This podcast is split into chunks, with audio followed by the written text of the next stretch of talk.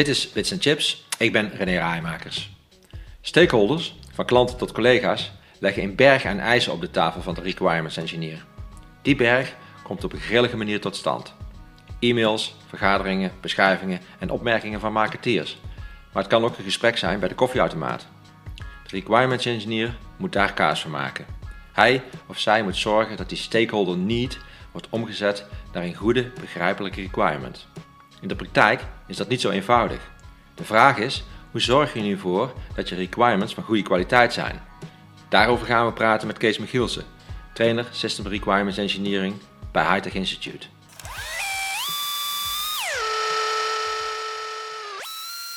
Kees, welkom. In deze tweede podcast over Requirements Engineering gaan we praten over kwaliteit. Dat is blijkbaar geen uh, voor de hand liggend iets. Misschien kun je beginnen met vertellen waarom dat de kwaliteit van de requirements zo belangrijk zijn en waarom je het gekozen hebt als thema voor, uh, voor één podcast. In feite gaat het erover dat, dat wij in staat zijn, uh, als we een goed requirements engineering proces hebben, om de, de stakeholder needs, dus de behoeften van onze klanten of opdrachtgevers of wat dan ook, op een zo efficiënt mogelijke manier door dat hele ontwikkelproces uh, te leiden, totdat wij in staat zijn om dat te implementeren. Mhm. Dus over te gaan tot de bouw of de constructie of de programmering van een, een requirement.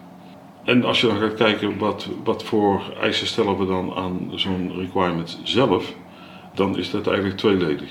Dus, dus je kijkt ofwel naar hoe zo'n requirement geformuleerd is, mm of je kijkt naar ja, wat, wat, is eigenlijk de bedoeling, wat is de, de, de geest zeg maar, van, uh, van zo'n requirement. Ja, taal is daar heel belangrijk. Hè? Dat is een beetje, raakt een beetje aan mijn vak.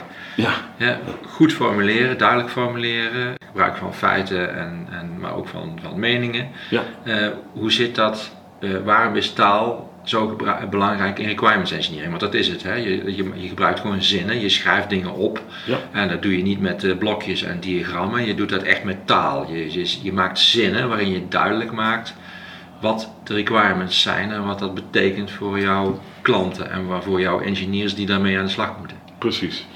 En, en dat, dat stukje, zeg maar, dat, dat uh, specifiek gericht op uh, zeg maar, de, de woorden die we gebruiken, de constructie van, uh, van zo'n zin, dat noemen we dan zeg maar de, de intrinsieke kwaliteit hè, van een requirement. Ja. En dat is ook een aspect wat je objectief kunt beoordelen. Dus iemand zonder kennis van, van zaken, zonder kennis van het domein, waar die requirements dan in feite over gaan, ja.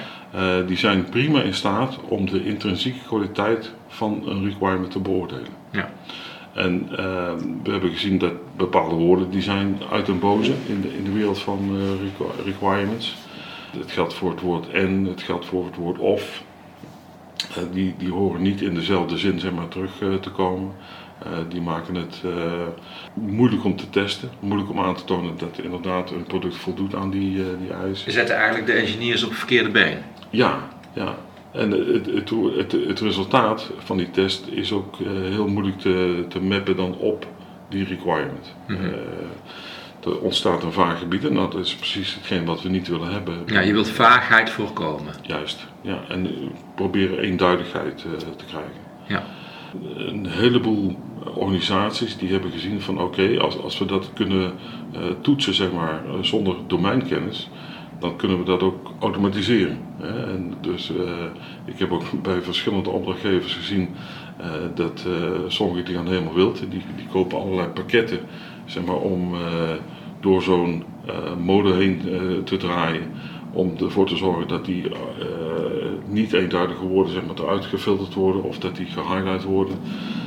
Um, en daarmee denken ze een, een bepaalde uh, kwaliteit te hebben bereikt. Ja, zonder dat ze er eigenlijk kennis hebben van zo'n van zo'n domein. Ja. Ze zeggen gewoon, net als, net als ik een, een, een in, in de wordprocessor een gegeven moment een, een, een schrijffout uh, voorgelegd krijg met een, met een klein venstertje wat, wat oppopt. Ja. Is in zo'n tool zegt ook van hey, kijk uit, hier staat N. Uh, hier ga je misschien een, een, een, een vage formulering gebruiken. Ja, Ja, en, en sommige tools die zijn echt uh, met de beste bedoelingen hoor. Want uh, ook voor als je kijkt naar, naar Incozen, uh, die hebben een, een, aantal jaar geleden hebben die een, een guideline geschreven voor het schrijven van requirements. Ja, ja. En daar, daar staat gewoon een hele checklist in waaraan een requirement moet voldoen. En dat zijn voor het grootste gedeelte checks die je uit kunt voeren door middel van een tool. Oké, maar, het komt, maar het komt allemaal neer op taalkundige Juist, zaken. Ja, en, en het, het, mooie daarvan is, we hebben, een, dat is al tien jaar geleden denk ik, hebben een uh, kort onderzoek gedaan uh, met behulp van de, de, studenten van de Universiteit in Berlijn, mm -hmm. uh, met professor Jurg Fischer. Mm -hmm. Om te kijken, ja, wat, is nou zeg maar de, het aandeel van de, het hebben van een goede objectieve goede requirement ten opzichte van ja, de, de requirement zoals die is verwoord en zoals die overkomt zeg maar, bij de stakeholders. Mm -hmm. En dat blijkt dat die, die syntax check die we dan doen, dat die maar voor een derde bijdraagt aan de kwaliteit van, van requirements. Dan heb je het over een, de, de check van de taal om te voorkomen dat je vage requirements krijgt. Dat Precies. is die syntax check. Precies. Dus stel je voor, je bent in staat om uh, conform een bepaald tool uh, 100% goede requirements uh, te schrijven. Ja. Dus dat er geen verboden woorden in staan en goede constructies. En, en, wat ook vooral belangrijk is, we hebben het vorige keer gehad over eigenschappen van functies. op het moment dat een, een requirement wordt geschreven voor een eigenschap, moet die gekwantificeerd zijn. Dus de, de, op het moment dat je zegt van we hebben het over een bepaalde responsiveness, ja. ja dan, dan moet je in die requirement opschrijven welke uh, responsiveness jij verwacht. Je moet daar gewoon het aantal seconden of minuten opgeven. Juist, juist. Je moet man en paard noemen. Als je het hebt over de kracht van de motor, moet je het aantal uh, newtons per meter. Exact. En, en, en uh, op het moment dat je dus ziet dat de requirement over een eigenschap gaat, die niet gekwantificeerd is, is het geen goede requirement. Hmm. Uh, maar, maar, stel je voor, je bent dus in staat om 100% goede requirements uh, te schrijven. Dat wil nog niet zeggen zeg maar, dat je in de ogen van de stakeholders, en er zijn twee hele grote groepen stakeholders uh, als het gaat over de kwaliteit van requirements, ja. dat die in de ogen van die stakeholders nog steeds een hele slechte requirement kunnen zijn. Mm. En, en om, om, je een voorbeeld te noemen, uh, je hebt stakeholders die zitten aan de voorkant van jouw ontwikkelproces. Die, die verwachten allerlei dingen van jouw uh, product. En, en, die hebben die verwachtingen vaak uitgedrukt in, in, in, in, een e-mail of in een, in een use case. en het is aan jou als requirements engineer om ervoor te zorgen dat die uh, stakeholder niet, zoals we hem noemen, ja. omgezet wordt naar een, een goede, begrijpelijke requirement. Ja. En die stakeholders, die interesseert het helemaal niet of dat jij de juiste woorden hebt gebruikt, als jij maar de, de intentie zeg maar, van zijn stakeholder niet goed hebt kunnen overzetten in zo'n requirement. Ja. Uh, dus die, die kijkt niet naar de syntax, maar die kijkt naar de semantiek, die, die kijkt naar de inhoud, die kijkt Ja. naar de bedoeling. Ja. En als die bedoeling goed is in zijn, zijn ogen, Dan vindt hij het dan wel prima. is prima kwaliteit requirement. Ja, terwijl de requirements engineer moet zorgen dat de engineer die het product uiteindelijk moet maken, begrijpt wat hij precies moet doen. En als hij, als hij een vage definitie krijgt, dan gaat die engineer die vervolgens moet produceren of moet iets moet maken, dan gaat hij fouten maken. Exact. En, Terwijl- en dan heb je in feite al over de, de, de derde groep hè, stakeholders, Ja. Eh, de, de ontvangende partij. Ja, Eh, dus de, de, degene die iets moet maken van jouw requirement. Het kan een testcase zijn of het kan een, een echt een ont- ontwerp zijn, een Mhm. oplossing voor jouw eh, requirement. Mhm.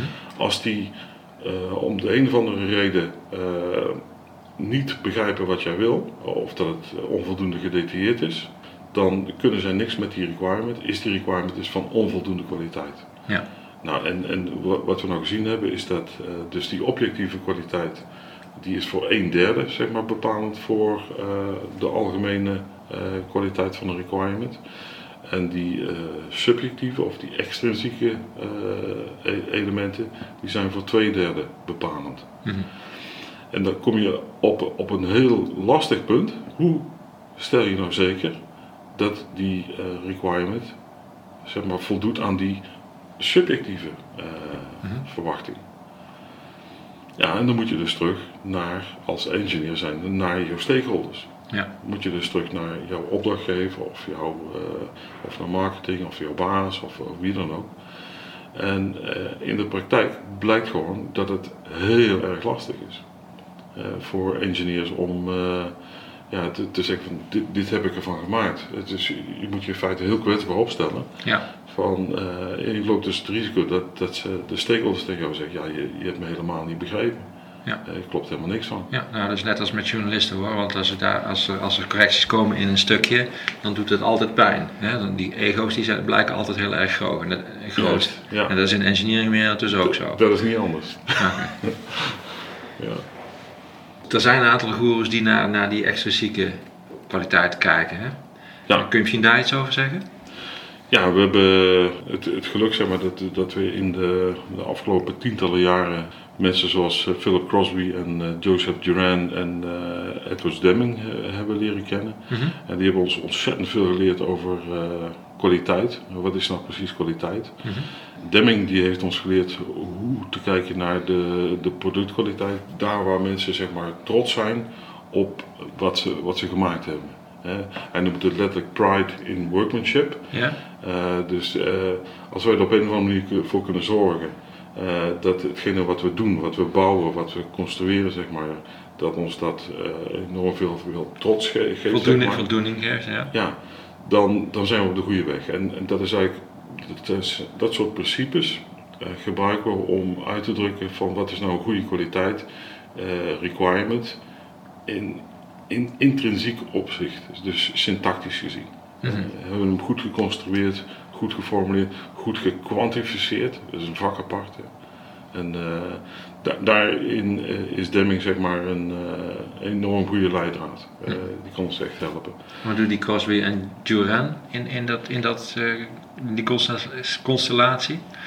Crosby die heeft ehm, gezegd van nou, wat is kwaliteit? Kwaliteit is conformance to requirements.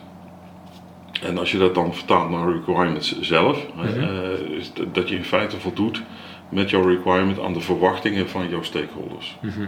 Wij vertalen het naar de, de, verwachtingen van de stakeholder needs. Uh, en als dat zo is, ondanks het feit zeg maar, dat, dat uh, zo'n requirement op niet de, de juiste manier geformuleerd is, mhm. maar als het wel voldoet aan de, de verwachtingen en de intentie van die stakeholder, dan is het een goede requirement. Mhm.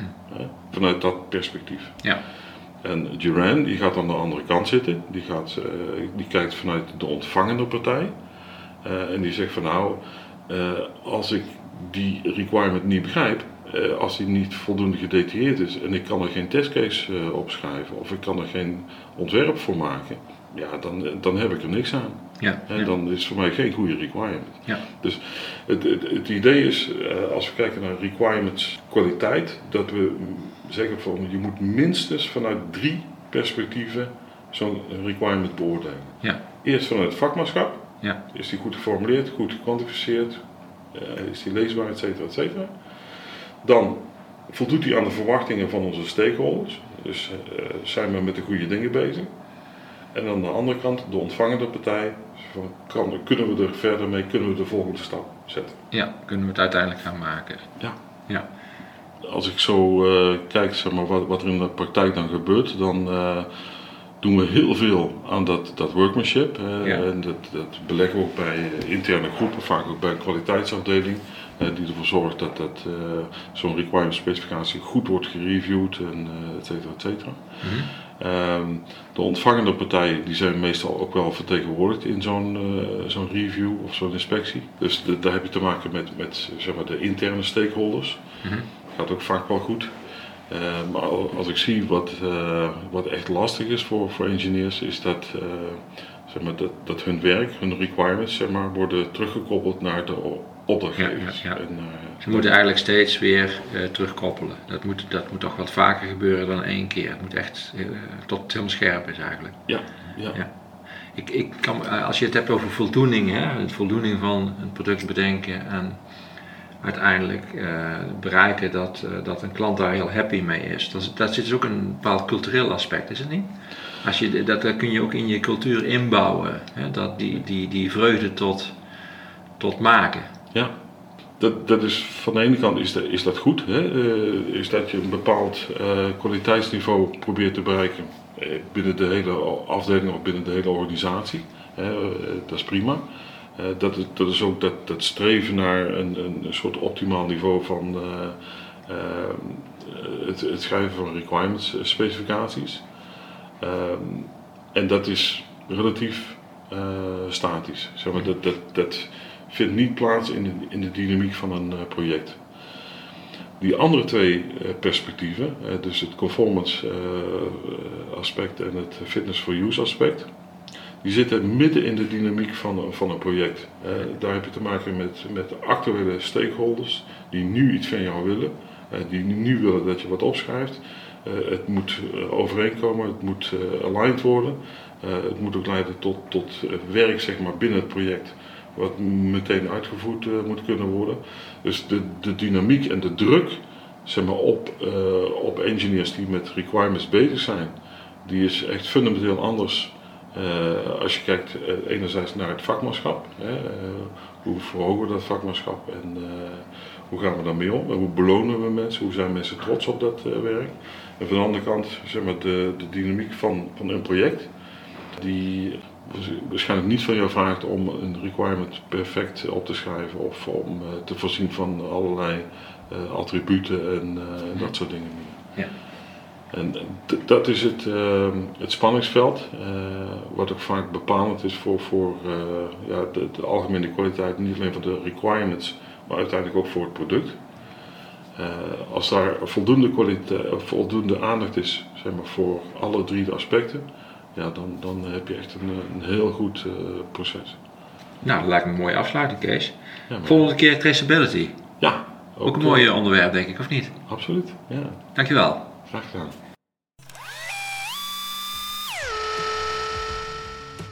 Dit was Bits Chips en dit was de tweede aflevering van mijn gesprekken met Kees Michielsen over requirements engineering. In de volgende editie gaan we het hebben over traceability. Dank voor het luisteren.